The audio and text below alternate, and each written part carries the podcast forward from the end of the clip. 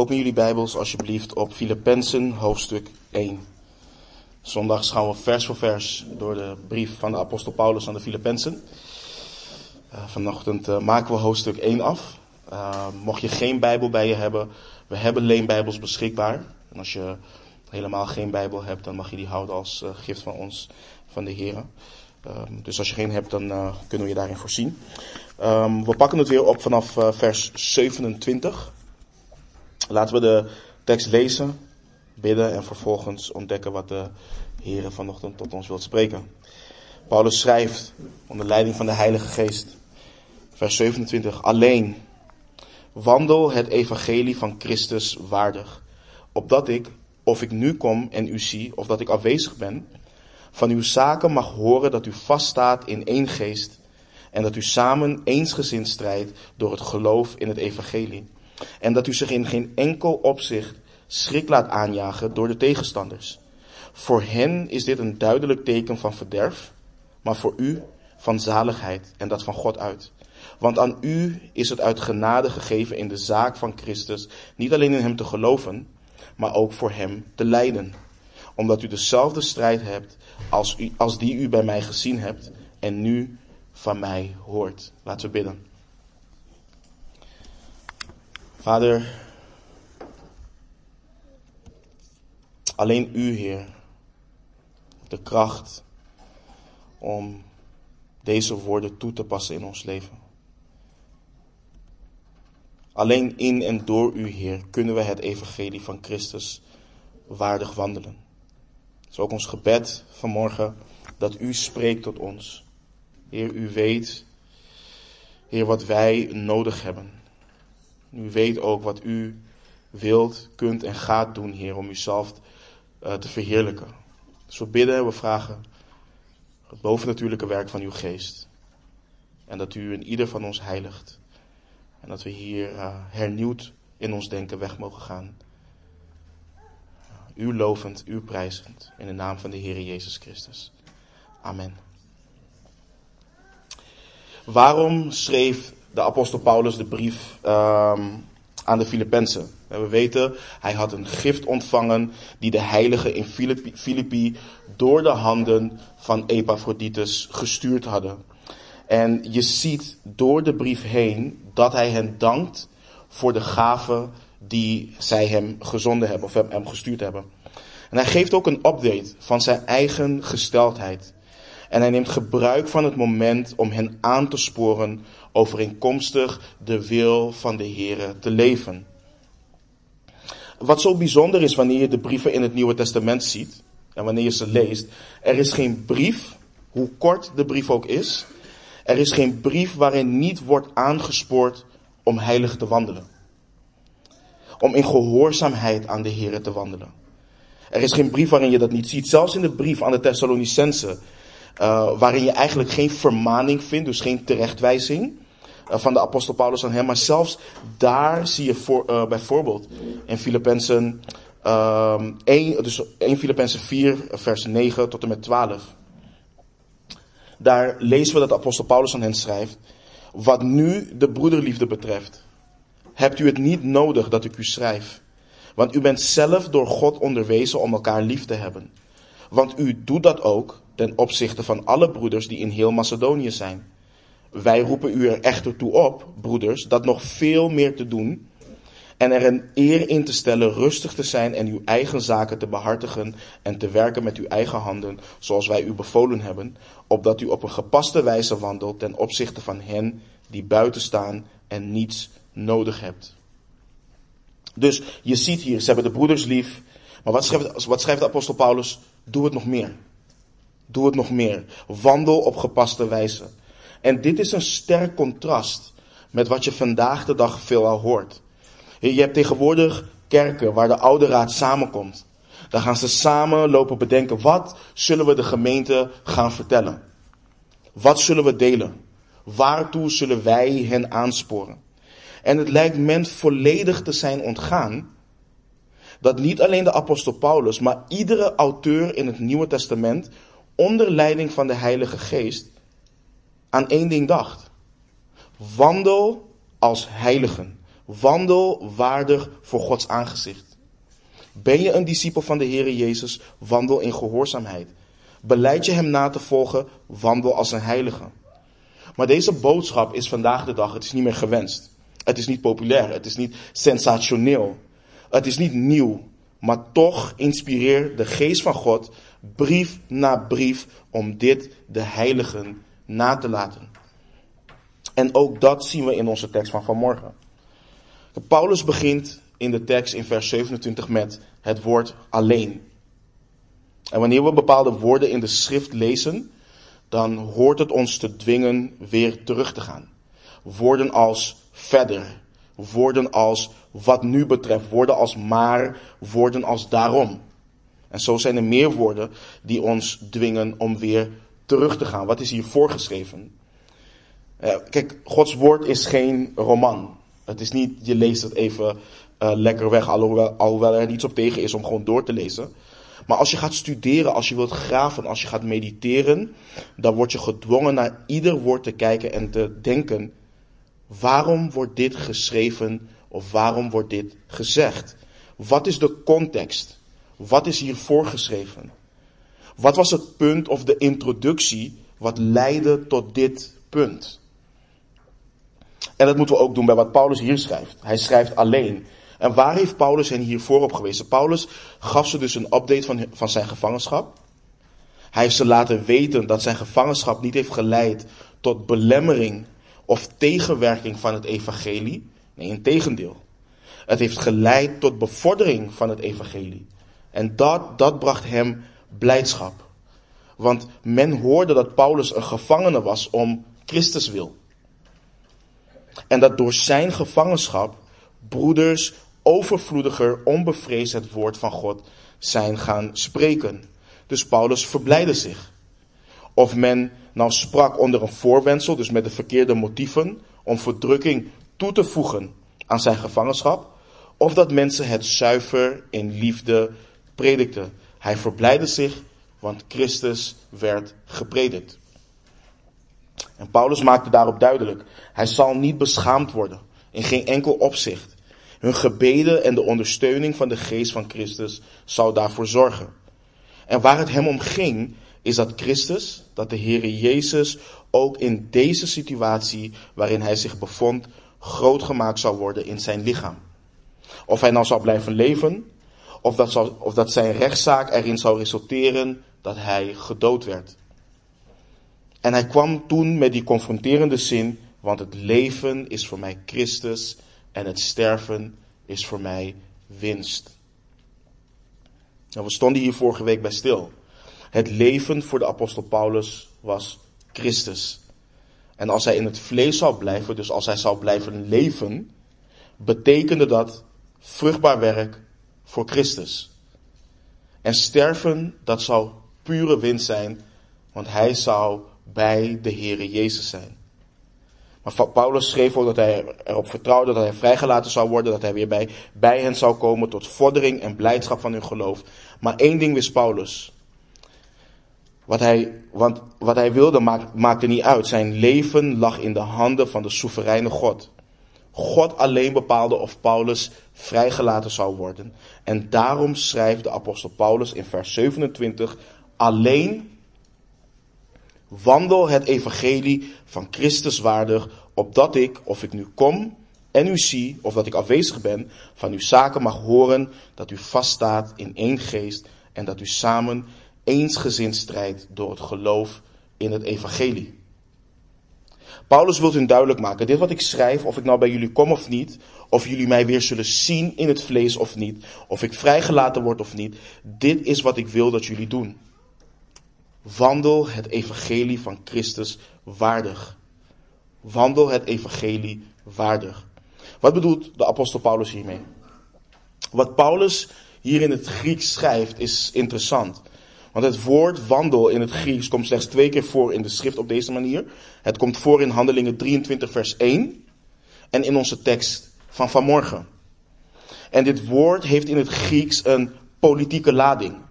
Wat Paulus schrijft in het Grieks is leef als burgers. Leef als inwoners, leef als staatsburgers. Voor ons, anno 2022, zegt dit misschien niet zoveel. Maar voor de Filippenzen betekende dit veel. Vergeet niet dat Filippi een Romeinse kolonie was. En dat, uh, kolonie, en dat mensen daar trots op waren. Ze waren trots op hun Romeins burgerschap. Ze leefden volgens Romeinse gebruiken. En hoewel Rome niet om de hoek was van Filippi, stonden ze niet onder enige regionale autoriteit, maar waren ze rechtstreeks aan Rome onderworpen. Ze werden geregeerd door Romeinse wetten. En deze kolonisten, de burgers van Filippi, leefden volgens hunzelf anders dan de barbaren door wie zij omringd werden, omdat ze burgers waren van een ander land. Dus wat doet Paulus? Hij herinnert hen aan hun ware identiteit. Kijk, jullie wonen misschien wel fysiek in Filippi, maar jullie zijn burgers van een ander rijk. Jullie dienen dus ook te leven als burgers van een ander rijk. Niet als burgers van Filippi. In Filippenzen 3, vers 20 schrijft hij ook: Ons burgerschap is echter in de hemelen, waaruit, ook, waaruit wij ook de zaligmaker verwachten, namelijk de Heere Jezus Christus. Dus hij schrijft aan de Filippenzen, leef als burgers van Gods koninkrijk. Of ik jullie zie of niet, dit is hoe jullie dienen te wandelen. Dit is hoe jullie dienen te leven. En hoe is dat? Hij schrijft waardig. Wat betekent waardig? Wat Paulus omschrijft is het volgende. De, de waarde van iets is bepaald en die waarde, die waarde moet gematcht worden. Daaraan moet voldaan worden. Hij schrijft dat het moet passen met de waarde daarvan. En dus hij schrijft, jullie leven als burgers van het hemelse koninkrijk moet passend zijn aan de waarde van het evangelie van Christus. Wat een standaard. En let goed op wat de apostel Paulus doet. Hij heeft in de voorgaande versen uiteengezet hoe zijn leven draait om Christus en het evangelie. En voor de discipel die zou gaan zeggen, oh weet je, die Paulus, hij is zo heilig. God heeft, je ziet gewoon dat God hem heeft geroepen om echt op dit niveau te wandelen. Paulus schrijft, jullie dienen ook zo te wandelen. Het leven dient ook voor jullie zo te zijn. Het leven dient Christus te zijn voor allen die voor de grondlegging van de wereld in Christus Jezus zijn uitverkoren. Het leven dient Christus te zijn voor hen die bestemd zijn om als kinderen aangenomen te worden door Jezus Christus. Het leven hoort Christus te zijn voor hen die in Jezus verlossing hebben door zijn bloed, namelijk de, over, de vergeving van de overtredingen overeenkomstig de rijkdom van zijn genade.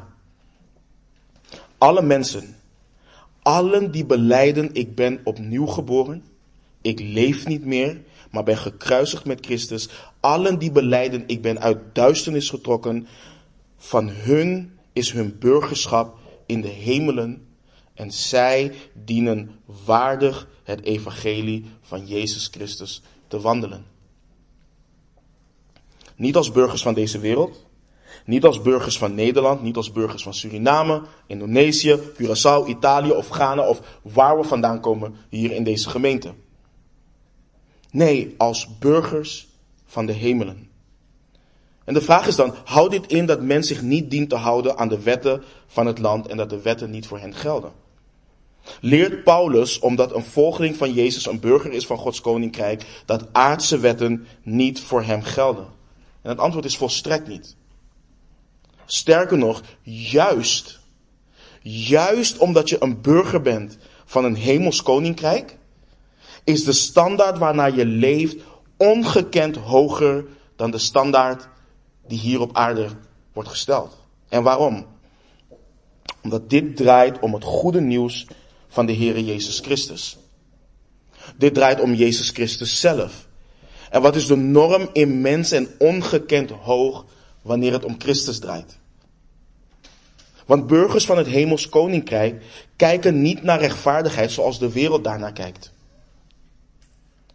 Zij kijken naar rechtvaardigheid van hun heren zoals er in 1 Johannes 3 vers 7 staat dat hij rechtvaardig is. Ze kijken niet naar puurheid of reinheid zoals de wereld dat probeert te definiëren. Maar zoals 1 Johannes 3 vers 3 ons leert dat hij, dat Jezus Christus rein is.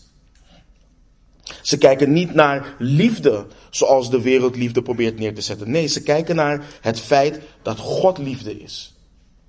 Of zoals er in Efeze 5 vers 1 en 2 staat, wees dan navolgers van God als geliefde kinderen en wandel in de liefde.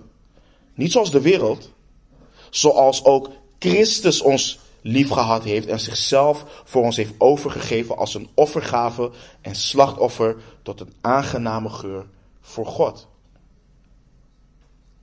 Wat een standaard. En broeders en zusters, het evangelie van Jezus Christus, dat is waarnaar we dienen te wandelen.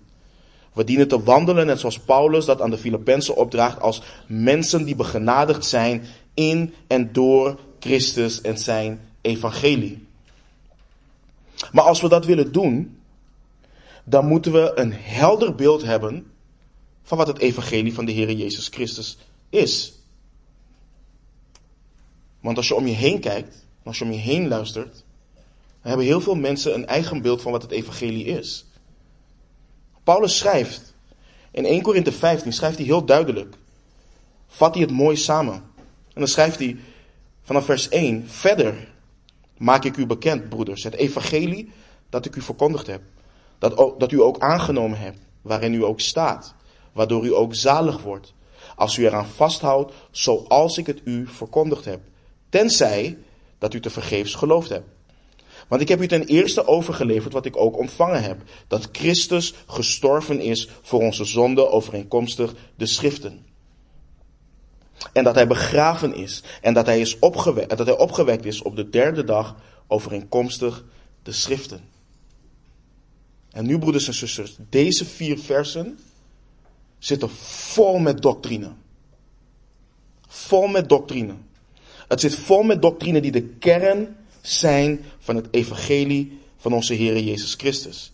Paulus schrijft dat Christus Jezus de Messias is en dat hij gestorven is voor de zonden van mensen. En wat bedoelt hij daarmee? Waarom moest hij dat doen? Omdat mensen hebben gerebelleerd tegen God. Ze zijn in opstand gekomen tegen hun schepper. Tegen hem die zichzelf en zijn wil aan hen heeft geopenbaard. En kijk om je heen. Men leeft nog steeds in opstand tegen God. De God die liefde is, de God die heilig is, de God die rechtvaardig is, de God die genadig en barmhartig is. En alles wat God is, wordt opnieuw gedefinieerd door mensen die zijn gemaakt naar zijn evenbeeld om juist door hun leven zijn glorie te laten zien. Dus wat doet de mens? God zegt, het leven is heilig en de mens zegt, vermoord ze maar in de baarmoeder. God maakt man en vrouw, maar de mens zegt, je hebt genderqueer, two-spirit en genderfluid. God zegt, het huwelijk is tussen één man en één vrouw en de mens zegt, liefde is toch liefde? En zo kun je doorgaan. De mens vindt dat je mag liegen om eigen bestwil, terwijl God leert dat liegen nooit te verontschuldigen is. De mens wil leven zoals het wil en rebelleert in alles tegen God. In alles. En omdat de mens wetteloos leeft, omdat de mens leeft alsof God zichzelf in zijn wil en wetten niet heeft geopenbaard, hangt de toorn van God boven de mens. En die laatste zin, dat is wat mensen niet willen horen. Men wil nog gaan toegeven, ja nou zo goed ben ik helemaal niet, hè, want wie is nou perfect? Maar Gods woord leert, omdat we gevallen zijn, hangt zijn toorn boven ons. God leert Dat hij een dag heeft vastgesteld waarop hij de wereld rechtvaardig zal oordelen. Hij zal mensen oordelen naar hun zonde. En het loon van de zonde is de dood. Maar Gods woord leert dat God de wereld zo lief had dat hij zijn enige geboren zoon heeft gegeven, opdat een ieder die in Jezus zijn zoon gelooft, niet verloren gaat, maar eeuwig leven heeft. En waarom? Ezekiel 18, vers 23 leert, zal ik werkelijk behagen scheppen in de dood van de goddeloze, spreekt de Heere Heere. Is het niet, wanneer hij zich bekeert van zijn wegen, dat hij zal leven?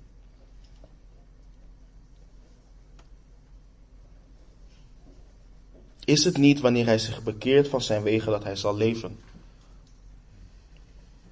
Maar hoe kan iemand zich bekeren van zijn wegen? Hoe kan een goddeloze in het reine komen met een heilig en rechtvaardig God? En dat is door zijn zoon die hij heeft gegeven als verzoening voor onze zonden. Door te geloven in hem, door opnieuw geboren te worden door geloof in Christus Jezus. Door zich te bekeren en het goede nieuws dat Jezus zich als losprijs heeft gegeven. Het goede nieuws dat hij in de wereld is gekomen om zondaars zalig te maken. Om dat te geloven. Want Jezus is gestorven in de plaats van zondaars. Hij heeft de straf betaald voor hen die schuldig staan tegenover de Heer.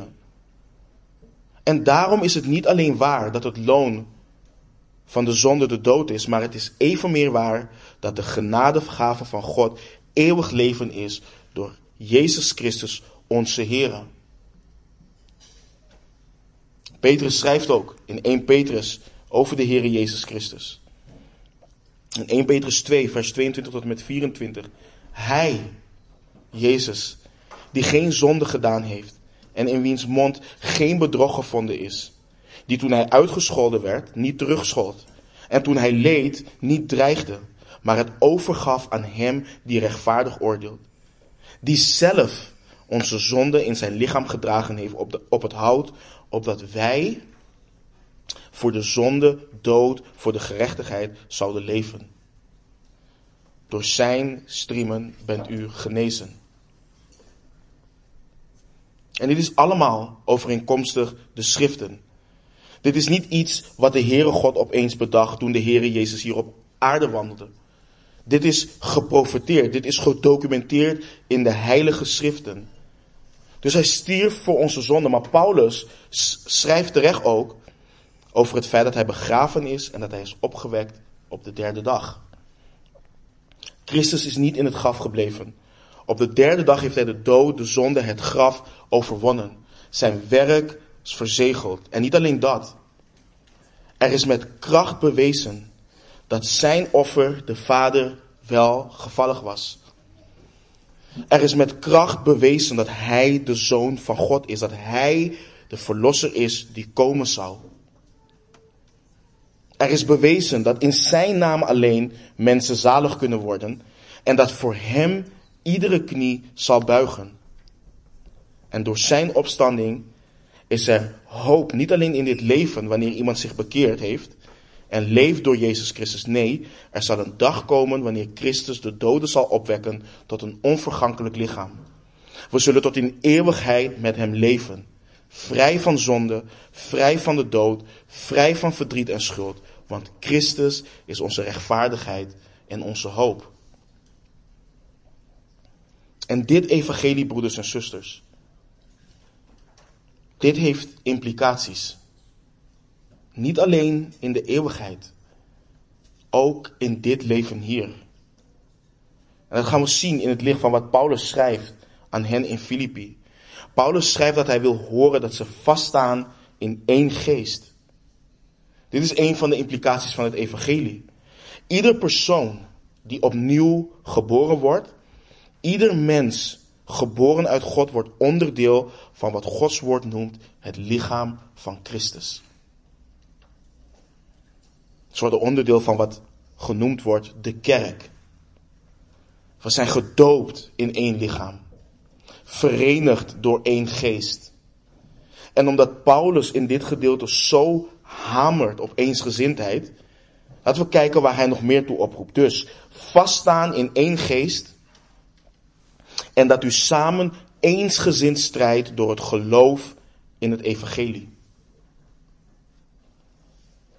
Paulus schetst in de grondtekst, wanneer hij spreekt van eensgezind strijden, het idee van een atletisch team wat samenwerkt, zij aan zij, voor een gemeenschappelijk doel. En in dit geval is dat het geloof in het evangelie. Het geloof in de waarheid. Het geloof in Christus Jezus. En Paulus hamert hier niet zozeer op evangelisatie en allerlei goede werken doen, alhoewel de tekst en de schrift dat natuurlijk niet uitsluit. Maar waar Paulus voornamelijk op hamert hier en waar hij naar refereert, is eensgezindheid. Hij refereert naar het eens zijn in Christus. Vergeet niet wat we in onze introductie hebben behandeld. Met één uitzondering in de brief zie je iedere keer dat wanneer Paulus het woord u gebruikt, hij verwijst naar de hele gemeente. Wanneer hij schrijft, werk aan uw eigen zaligheid met vrees en beven, heeft hij het over het collectief. Dit is geen individualistisch vers en ook geen individualistische brief. En onthoud ook waar Paulus naartoe werkt, wat hij gaat doen in hoofdstuk 4. Hij gaat oproepen tot eensgezindheid, tot verzoening van twee zusters die oneenigheid met elkaar hebben. Dus Paulus roept, sta vast in één geest. Kijk, we zijn onderdeel van hetzelfde gezin in Christus. Door ons geloof delen we in de Vader, delen we in de Zoon en delen we in de Geest. We geloven in hetzelfde. We dienen te staan verenigd in de leer van de apostelen. Ons samen eensgezind op te bouwen in ons allerheiligst geloof. We horen hecht aan te zijn. We dienen vast te staan in hetzelfde. En broeders en zusters, probeer vast te grijpen wat de apostel Paulus, de heilige in Filippi, probeert te leren en wat de Heilige Geest ons probeert te leren met de tekst. Onze band en de relatie waartoe wij geroepen zijn, is bovennatuurlijk. Je kunt het niet vergelijken met de beste vriendschappen hier op aarde. Het is de zelfopofferende liefde, de aanhoudende en onvoorwaardelijke liefde van God in Christus, uitgestort door de geest, wat onze band hoort te regeren. Het is de eenheid van de Zoon en de Vader waar we naar horen te kijken. En de Heere Jezus bad hier ook voor in Johannes 17, vers 20 tot en met 22. Let op wat hij bad. En ik bid niet alleen voor deze, maar ook voor hen die door hun woord in mij zullen geloven. Opdat zij allen één zullen zijn, zoals uw Vader in mij en ik in u. Dat ook zij in ons één zullen zijn, opdat de wereld zal geloven dat u mij gezonden hebt. En ik heb hun de heerlijkheid gegeven die u mij, hebt, die u mij gegeven hebt, opdat zij eens zijn zoals wij eens zijn. Dus dit is iets bovennatuurlijks waartoe wij geroepen zijn. Maar broeders en zusters, dit soort versen en uitspraken zijn snoepgoed voor hen die een oecumenische gedachtegoed hebben. En daarvoor moeten we waken. Daarvoor dienen we waakzaam te zijn. Er is in onze tijd een sterke beweging om, om, om, om qua doctrine elk verschil opzij te zetten om zo onze eenheid in Christus te verkondigen. En die gedachtegang klinkt nobel. Het klinkt menselijk gezien heel goed. Maar het gaat in tegen alles wat de schrift leert. Het gaat in tegen alles wat we in de schrift zien en in de levens van de apostelen en discipelen. Kijk, er is een duidelijke waarheid. Er is één geest waarin we dienen vast te staan. En de Heilige Geest wordt niet alleen de trooster genoemd in de schrift, maar ook de geest van de waarheid. En niet alleen dat. Hij zal de weg wijzen in heel de waarheid. Dus wanneer we praten over eensgezindheid, wanneer we praten over vaststaan in één geest, dan is de kern daarvan het ware evangelie van onze Heer Jezus Christus. En in de kern van het evangelie ligt wie God is, wat God wilt, wat God heeft gezegd en zegt in en door de schrift, wat God gedaan heeft, wat hij doet en wat hij nog gaat doen. Dit gaat in de kern om onze Heer Jezus Christus. En hij moet gedefinieerd zijn zoals in de schrift, anders kunnen we niet verenigd zijn. Dat hele idee van, oké, nee, maar laat het allemaal wat, jij gelooft wat jij gelooft, ik geloof wat ik geloof en weet je, laten we samen kumbaya komen om de Heer Jezus te aanbidden. Dat is niet wat de schrift leert. Verenigd vanuit één waarheid, dat is hoe we de Heer Jezus Christus aanbidden. Maar let ook op wat Paulus doet vanaf dit moment. Dit is een belangrijk moment in de brief, want vanaf dit punt begint hij met een dominant thema, wat, we net al, wat ik net al zei in deze brief, en dat is de onderlinge band van broeders en zusters. Let op vers 28. En dat u zich in geen enkel opschrik, uh, opzicht schrik laat aanjagen door de tegenstanders. Voor hen is dit een duidelijk teken van verderf, maar voor u van zaligheid en dat van God uit. De tegenstanders waar Paulus het over heeft, zijn niet de mensen uit de vorige versen die Christus met een onzuiver motief prediken. Dit zijn mensen die echt tegen Christus zijn. Mensen die tegen zijn evangelie zijn. Mensen die God en waarvoor hij staat haten. Paulus heeft het op dit moment over hen die actief strijden tegen het evangelie. Maar door de schrift heen zie je dat allen die niet van God houden, dat zij God haten. Je hoeft niet actief christenen te vervolgen om een hater van God te zijn. Nee, door niet te leven overeenkomstig zijn wil en in gehoorzaamheid en liefde voor hem, daarmee laat je al zien dat je hem haat, leert de schrift. Maar let op wat Paulus wil, of wat hij niet wil. Paulus wil niet dat de tegenstanders hen schrik aanjagen. Dit woord wordt hier alleen gebruikt in het Grieks en Paulus probeert zo duidelijk te maken. Wees niet gealarmeerd door de tegenstanders. Wees niet gealarmeerd door vervolging. En we weten niet op wat voor manier zij met tegenstand te maken kregen. We weten uit Handelingen 16 wel hoe ze op scherp waren gezet in Filippi door het werk van de apostel Paulus daar. En dat zij daar als christenen achter waren gelaten. En dit is voor ons zo belangrijk om te zien. Kijk, we lezen nergens dat deze discipelen opstandig waren. Dat ze vervelende mensen waren. We weten waartoe heiligen worden geroepen, juist om voorbeeldig te leven. Maar wat je wel krijgt is dit, en dit moeten we echt goed begrijpen. Ware discipelen van Jezus Christus, die leven overeenkomstig de wil van God, zullen te maken krijgen met weerstand. Als discipel van Jezus zul je tegenstanders hebben. Kijk, het maakt me niet uit wat Joyce Meyer, wat Joel Osteen, wat Hillsong of welke liberale kerk ook predikt. De schrift leert duidelijk. 2 Timotheus 3, 12. En ook allen die godvruchtig willen leven in Christus Jezus, zullen vervolgd worden. De schrift is duidelijk. De Heer Jezus zei in Johannes 17, vers 14. Ik heb u, ik heb hun uw woord gegeven. En de wereld heeft hen gehaat. Omdat zij niet van de wereld zijn, zoals ik niet van de wereld ben. Aan de Thessalonicensen in 1 Thessalonicensen 3 vers 3. Opdat niemand in verwarring gebracht zal worden in deze verdrukkingen. Want u weet zelf dat wij hiertoe bestemd zijn. En waarom? Want wat er in duisternis gebeurt, wordt door licht openbaar gemaakt. En de mensen hebben duisternis lief gehad, meer dan het licht, want de werken van mensen zijn slecht.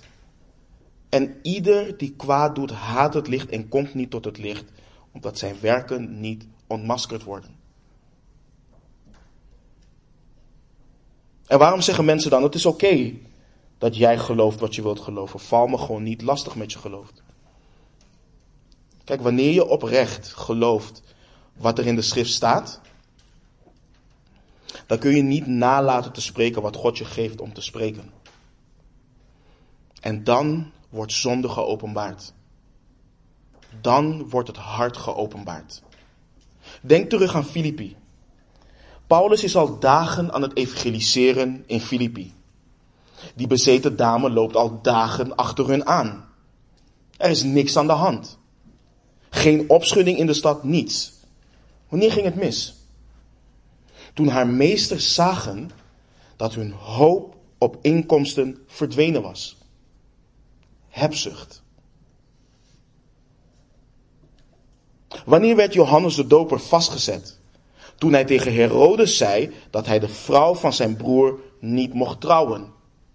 Lust. Wanneer werden de fariseeën boos en wilden ze de Heere Jezus vervolgen en doden? Toen hun hypocrisie werd blootgelegd. En zo kun je iedere reactie van iemand brengen naar een specifieke zonde. Iedere reactie. Kijk hoe men reageert wanneer je, wanneer je zegt dat Jezus jouw Here is. Oh, dat is mooi voor jou. Wat leuk voor jou, wat goed voor jou. Wat mooi dat je daar hoop uitput. Maar wanneer je zegt, Jezus is niet alleen mijn Heer. Hij is Heer over alles en iedereen. Hij is niet een weg, hij is de weg, de waarheid en het leven. En dan zie je hoogmoed. En dan zie je hoe giftig mensen worden. Want dan ben je bekrompen, dan ben je dogmatisch, dan ben je liefdeloos. Dus onthoud broeders en zusters. Kijk, wij horen geen vijanden te creëren. We horen geen tegenstanders te creëren door liefdeloze en bekrompen mensen te zijn. Dat is niet wat we horen te doen. Maar door het evangelie van Jezus Christus waardig te wandelen, als een burger van zijn koninkrijk en door zijn woorden te spreken, zul je tegenstanders hebben. Het is onvermijdelijk. En Paulus schreef, wanneer deze dingen gebeuren, wanneer er tegenstanders opstaan, laat je geen schrik aanjagen. Wees niet gealarmeerd, want hun reactie is een teken van hun verderf. Het is een teken van hun verlorenheid. Het laat hun staat zien. En laat dit ons bemoedigen, broeders en zusters. Kijk, te veel beleidende discipelen zijn gealarmeerd wanneer dit gebeurt. Wanneer tegenstanders opstaan. En het woord gealarmeerd werd gebruikt voor een geschrokken paard dat in angst opsteeg. Paulus schrijft, laat dat niet gebeuren. Laat dat jullie niet overkomen. Dit is een teken van hun verloren hart. Maar niet alleen dat. Voor jou is dit een teken van jouw zaligheid. Voor jou, als je met een oprecht geweten wandelt overeenkomstig de wil van God, laat het simpelweg zien dat je je midden in zijn wil bevindt. Want hij schrijft. En dat van God uit. En waarom? We lezen vers 29 en 30. Want aan u is het uit genade gegeven in de zaak van Christus. Niet alleen in Hem te geloven, maar ook voor Hem te lijden.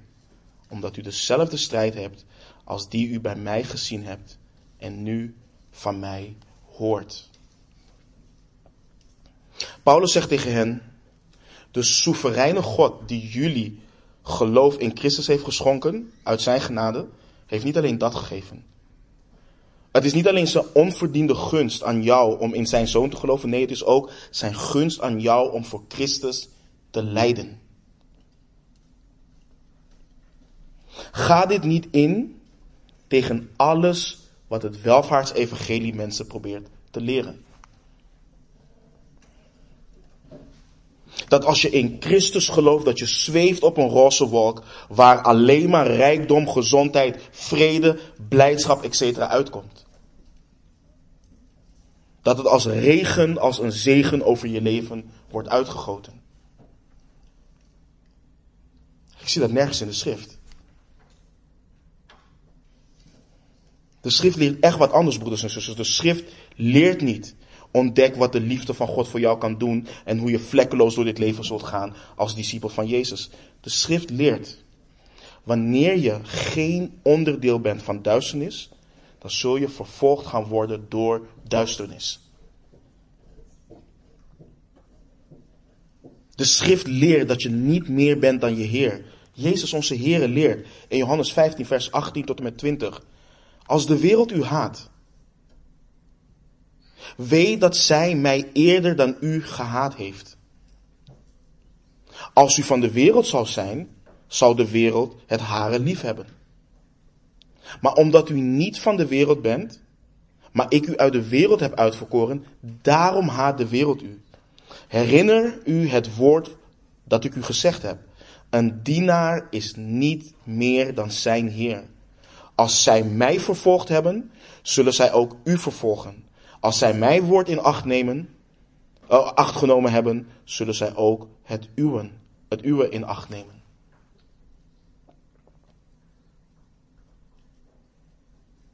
De schrift leert in 1 Johannes 3, vers 13. Verwonder u niet, mijn broeders, als de wereld u haat.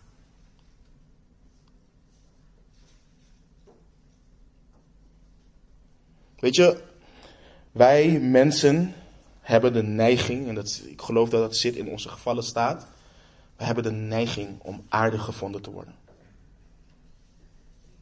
We hebben de neiging dat we, men, dat, we gaan, dat we ons gaan gedragen zodat mensen ons aardig vinden. En wat is het gevaar daarin als een discipel? Is dat je de confronterende boodschap en het confronterende leven wat je leidt als discipel, dat je dat gaat verwateren. Dat je in plaats zegt, dus dat je zegt, dat je niet zegt, oké, okay, Gods toorn hangt boven je, maar God heeft je lief. Dat je alleen gaat zeggen, God heeft je lief. En dat ze de ernst niet inzien van waarom ze Christus Jezus ten diepste nodig hebben. Dus de wereld wil dat we meedoen. En omdat we denken dat we door mee te doen ze voor Christus gaan winnen, is het enige wat we doen Christus verloochenen.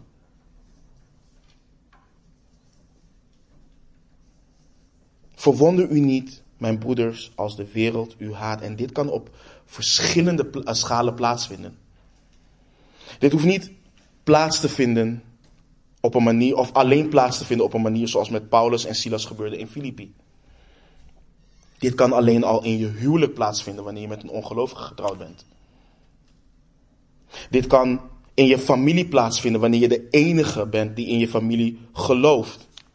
Dit kan op het werk gebeuren wanneer je staat voor de waarheid in liefde en genade. Dit kan op school gebeuren wanneer je ervoor kiest om in gehoorzaamheid aan God niet mee te doen met hen die God ongehoorzaam zijn. En dit is geen populaire boodschap. De populaire boodschap is dat op ieder kerkgebouw hangt: kom en ontdek wat, er, wat Jezus voor jou kan doen.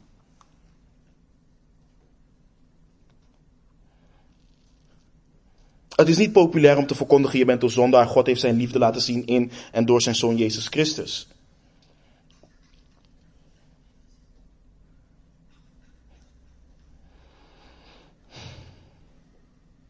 We moeten mensen verkondigen dat zij zich dienen te verkeren, bekeren. En dat dan hun zonden zich eh, eh, vergeven zullen worden. Dat ze dan verzoend zijn met God. En je hebt sommigen die dat stukje verkondigen, maar het stukje weglaten, leef heilig. Want als je heilig leeft in gehoorzaamheid aan God, wanneer je dat doet, zullen de mensen die dat niet doen je haten.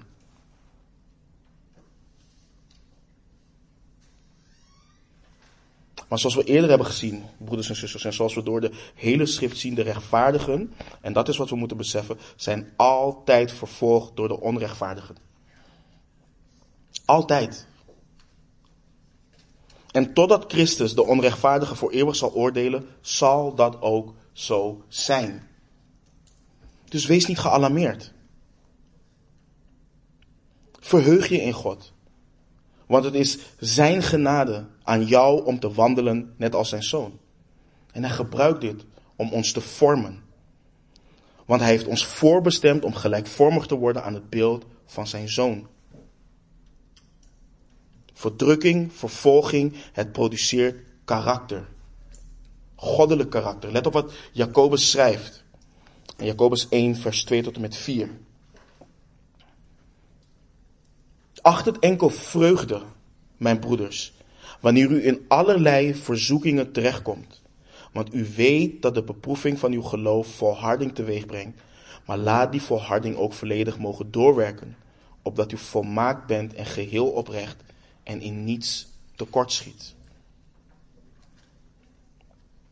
Jacobus gaat in dit gedeelte een stuk verder dan de apostel Paulus aan de Filippenzen.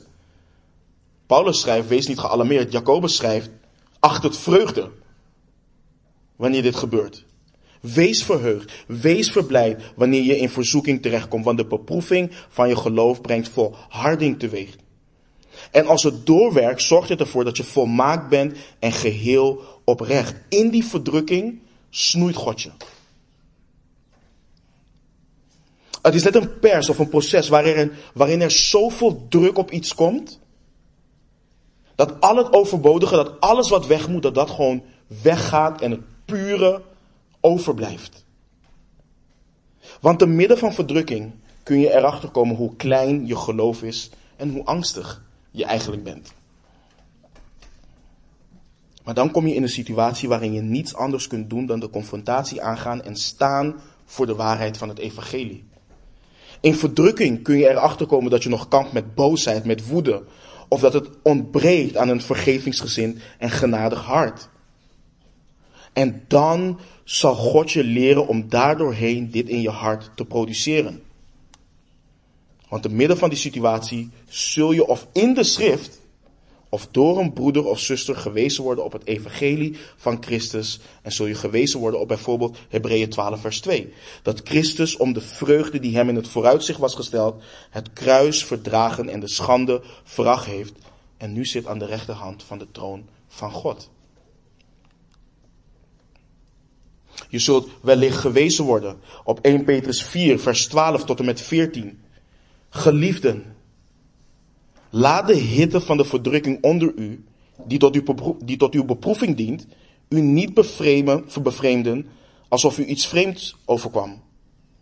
Maar verblijd u naar de mate waarin u gemeenschap hebt aan het lijden van Christus, opdat u zich ook in de openbaring van zijn heerlijkheid mag verblijden en verheugen. Als u smaad wordt aangedaan om de naam van Christus, dan bent u zalig, want de geest van de heerlijkheid en van God rust op u. Wat hem betreft wordt hij wel gelasterd, maar wat u betreft wordt hij verheerlijkt. En broeders en zusters, ik weet dat sommigen van jullie het moeilijk hebben. Weet het. In jullie huwelijk, met familieleden, op het werk. En puur en alleen omdat je een discipel bent van de Heere Jezus Christus. Maar luister naar de woorden van God door de pen van de apostel Paulus. Hij is klein, dus in Romeinen 5. Ik weet niet of de mensen achter het kunnen lezen. Dus in Romeinen 5, vers 1 tot en met 11. Luister naar deze woorden. Wij dan, gerechtvaardigd uit het geloof, hebben vrede bij God. Door onze Heere Jezus Christus. Door Hem hebben wij ook de toegang verkregen door het geloof tot deze genade waarin wij staan. En wij roemen in de hoop op de heerlijkheid van God. En dit niet alleen.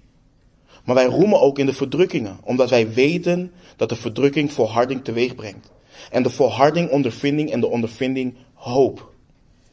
En de hoop beschaamt niet, omdat de liefde van God in onze harten uitgestort is door de Heilige Geest die ons gegeven is. Want toen wij nog krachteloos waren, is Christus op de bestemde tijd voor de goddeloze gestorven. Want bij hoge uitzondering zal iemand voor een rechtvaardige sterven. Hoogstens immers heeft iemand de moed om voor de goede mens te sterven. God echter bevestigt zijn liefde voor ons daarin dat Christus voor ons gestorven is toen wij nog zondaars waren. Veel meer dan zullen wij, nu wij gerechtvaardigd zijn door zijn bloed, door hem behouden worden van de toorn. Want als wij, toen wij vijanden waren, met God verzoend zijn door de dood van zijn zoon, hoeveel te meer zullen wij, nu wij verzoend zijn, behouden worden door zijn leven. En dit niet alleen, maar wij roemen ook in God door onze Heer Jezus Christus, door wie wij nu de verzoening ontvangen hebben. Dit zijn hoopvolle woorden. De apostel Paulus schrijft hiermee niet, oh je verdrukkingen zijn niets. Dat is niet wat hij doet. Hij schrijft niet, je moet niet zeuren. Maar wat hij doet is onder leiding van Gods geest jou wijzen op de hoop die je hebt. Ja broeder, ja zuster, het is erg. Het is verschrikkelijk. Maar de hoop die je hebt, het beschaamt niet. Je lijdt niet te vergeefs als discipel van Jezus. God laat je niet hier doorheen gaan omdat hij niet van je houdt. Nee, hij heeft laten zien dat hij van je houdt. Hij heeft zijn eigen zoon gegeven. Hij heeft hem op het juiste tijdstip gegeven. En Gods toorn is van jou geweken. Je bent door het bloed van zijn zoon gerechtvaardigd en behouden. Je bent zijn vijand niet meer. Christus Jezus is jouw hoop. Daarop wilt hij jou wijzen. Dat is waar hij je op wilt wijzen. Je bent niet alleen. En door sommige situaties ga je helaas alleen. Maar je bent niet alleen. En dat is ook waar hij de discipelen in Filippi op wijst. Ze hebben dezelfde strijd die ze bij hem gezien hebben en nu ook van hem horen. Maar het is belangrijk dat ze waardig wandelen als burgers van Gods koninkrijk. Ze moeten het evangelie waardig wandelen. En wij dus ook. Wij dus ook. Zij en wij moeten vaststaan in één geest, samen strijden, eensgezind, door het geloof in het evangelie. Zij en wij moeten niet gealarmeerd zijn. God is soeverein. En hij heeft ons op soevereine wijze geloof geschonken en schenkt ons ook verdrukking, opdat we daarin zien dat Gods gunst juist op ons is en de goddeloosheid van de mens juist laat zien dat ze verloren zijn. Voordat we afsluiten, wil ik me ook wenden tot de jonge kinderen, de kinderen. Voordat we het avondmaal gaan nuttigen, wil ik jullie ook wijzen op het volgende. Jullie zijn nog jong. En voor zover het kan, beschermen jullie ouders je tegen de aanvallen van mensen die tegen het geloof zijn. Maar ik wil voor jullie samenvatten wat de apostel Paulus de Filippenzen heeft geleerd. Hij, heeft, hij leert hen, kinderen, dat ze moeten leven als discipelen van Jezus Christus hier op aarde. In gehoorzaamheid aan Hem. Ze moeten in vrede met elkaar leven en niet bang zijn voor de mensen die Hem pijn willen doen. Omdat ze leven zoals God dat wilt. En God laat juist zien daarin dat wij zijn kinderen zijn en dat deze mensen verloren zijn. Dus in gehoorzaamheid aan jullie ouders, jullie de vrezen des Heren proberen te leren. Waar jullie komen, op school, waar dan ook. Blijf leven in gehoorzaamheid aan de Heere Jezus Christus. Wat mensen ook zeggen, wat mensen ook denken en wat mensen jullie ook maar willen aandoen. En mogen wij samen als gemeente hier in Lelystad, als kerk van de Heere Jezus Christus waardig wandelen. Mogen we het evangelie eer aandoen met onze levenswandel als heiligen in gehoorzaamheid aan Hem.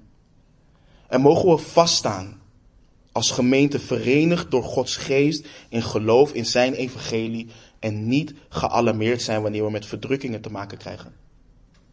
Broeders en zusters, laten we ons verheugen. Laten we ons verblijden dat Gods gunst op ons is en Hij bezig is met het verheerlijken van zichzelf te midden van de situatie waarin wij ons bevinden. God ziet jou. Hij ziet jou te midden van de verdrukking. Sterker nog, hij heeft jou in zijn handen. En mogen dit ons aansporen om samen te blijven strijden voor de bevordering van het evangelie van Jezus Christus tot lof en heerlijkheid van Gods genade. De Heere Jezus zei, zalig zijn zij die vervolgd worden om de, om de gerechtigheid, want van hen is het koninkrijk der hemelen. Zalig bent u als men u smaadt en vervolgt en door te liegen allerlei kwaad tegen u spreekt, omwille van mij. Verblijd en verheug u, want uw loon is groot in de hemelen. Want zo hebben ze de profeten vervolgd die er voor u geweest zijn.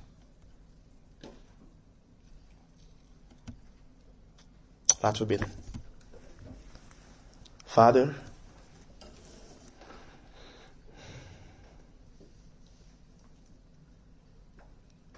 Heer, soms zijn we net als de discipelen, vaak zijn we net als de discipelen, die naar u toe rennen wanneer er storm is op zee en u vragen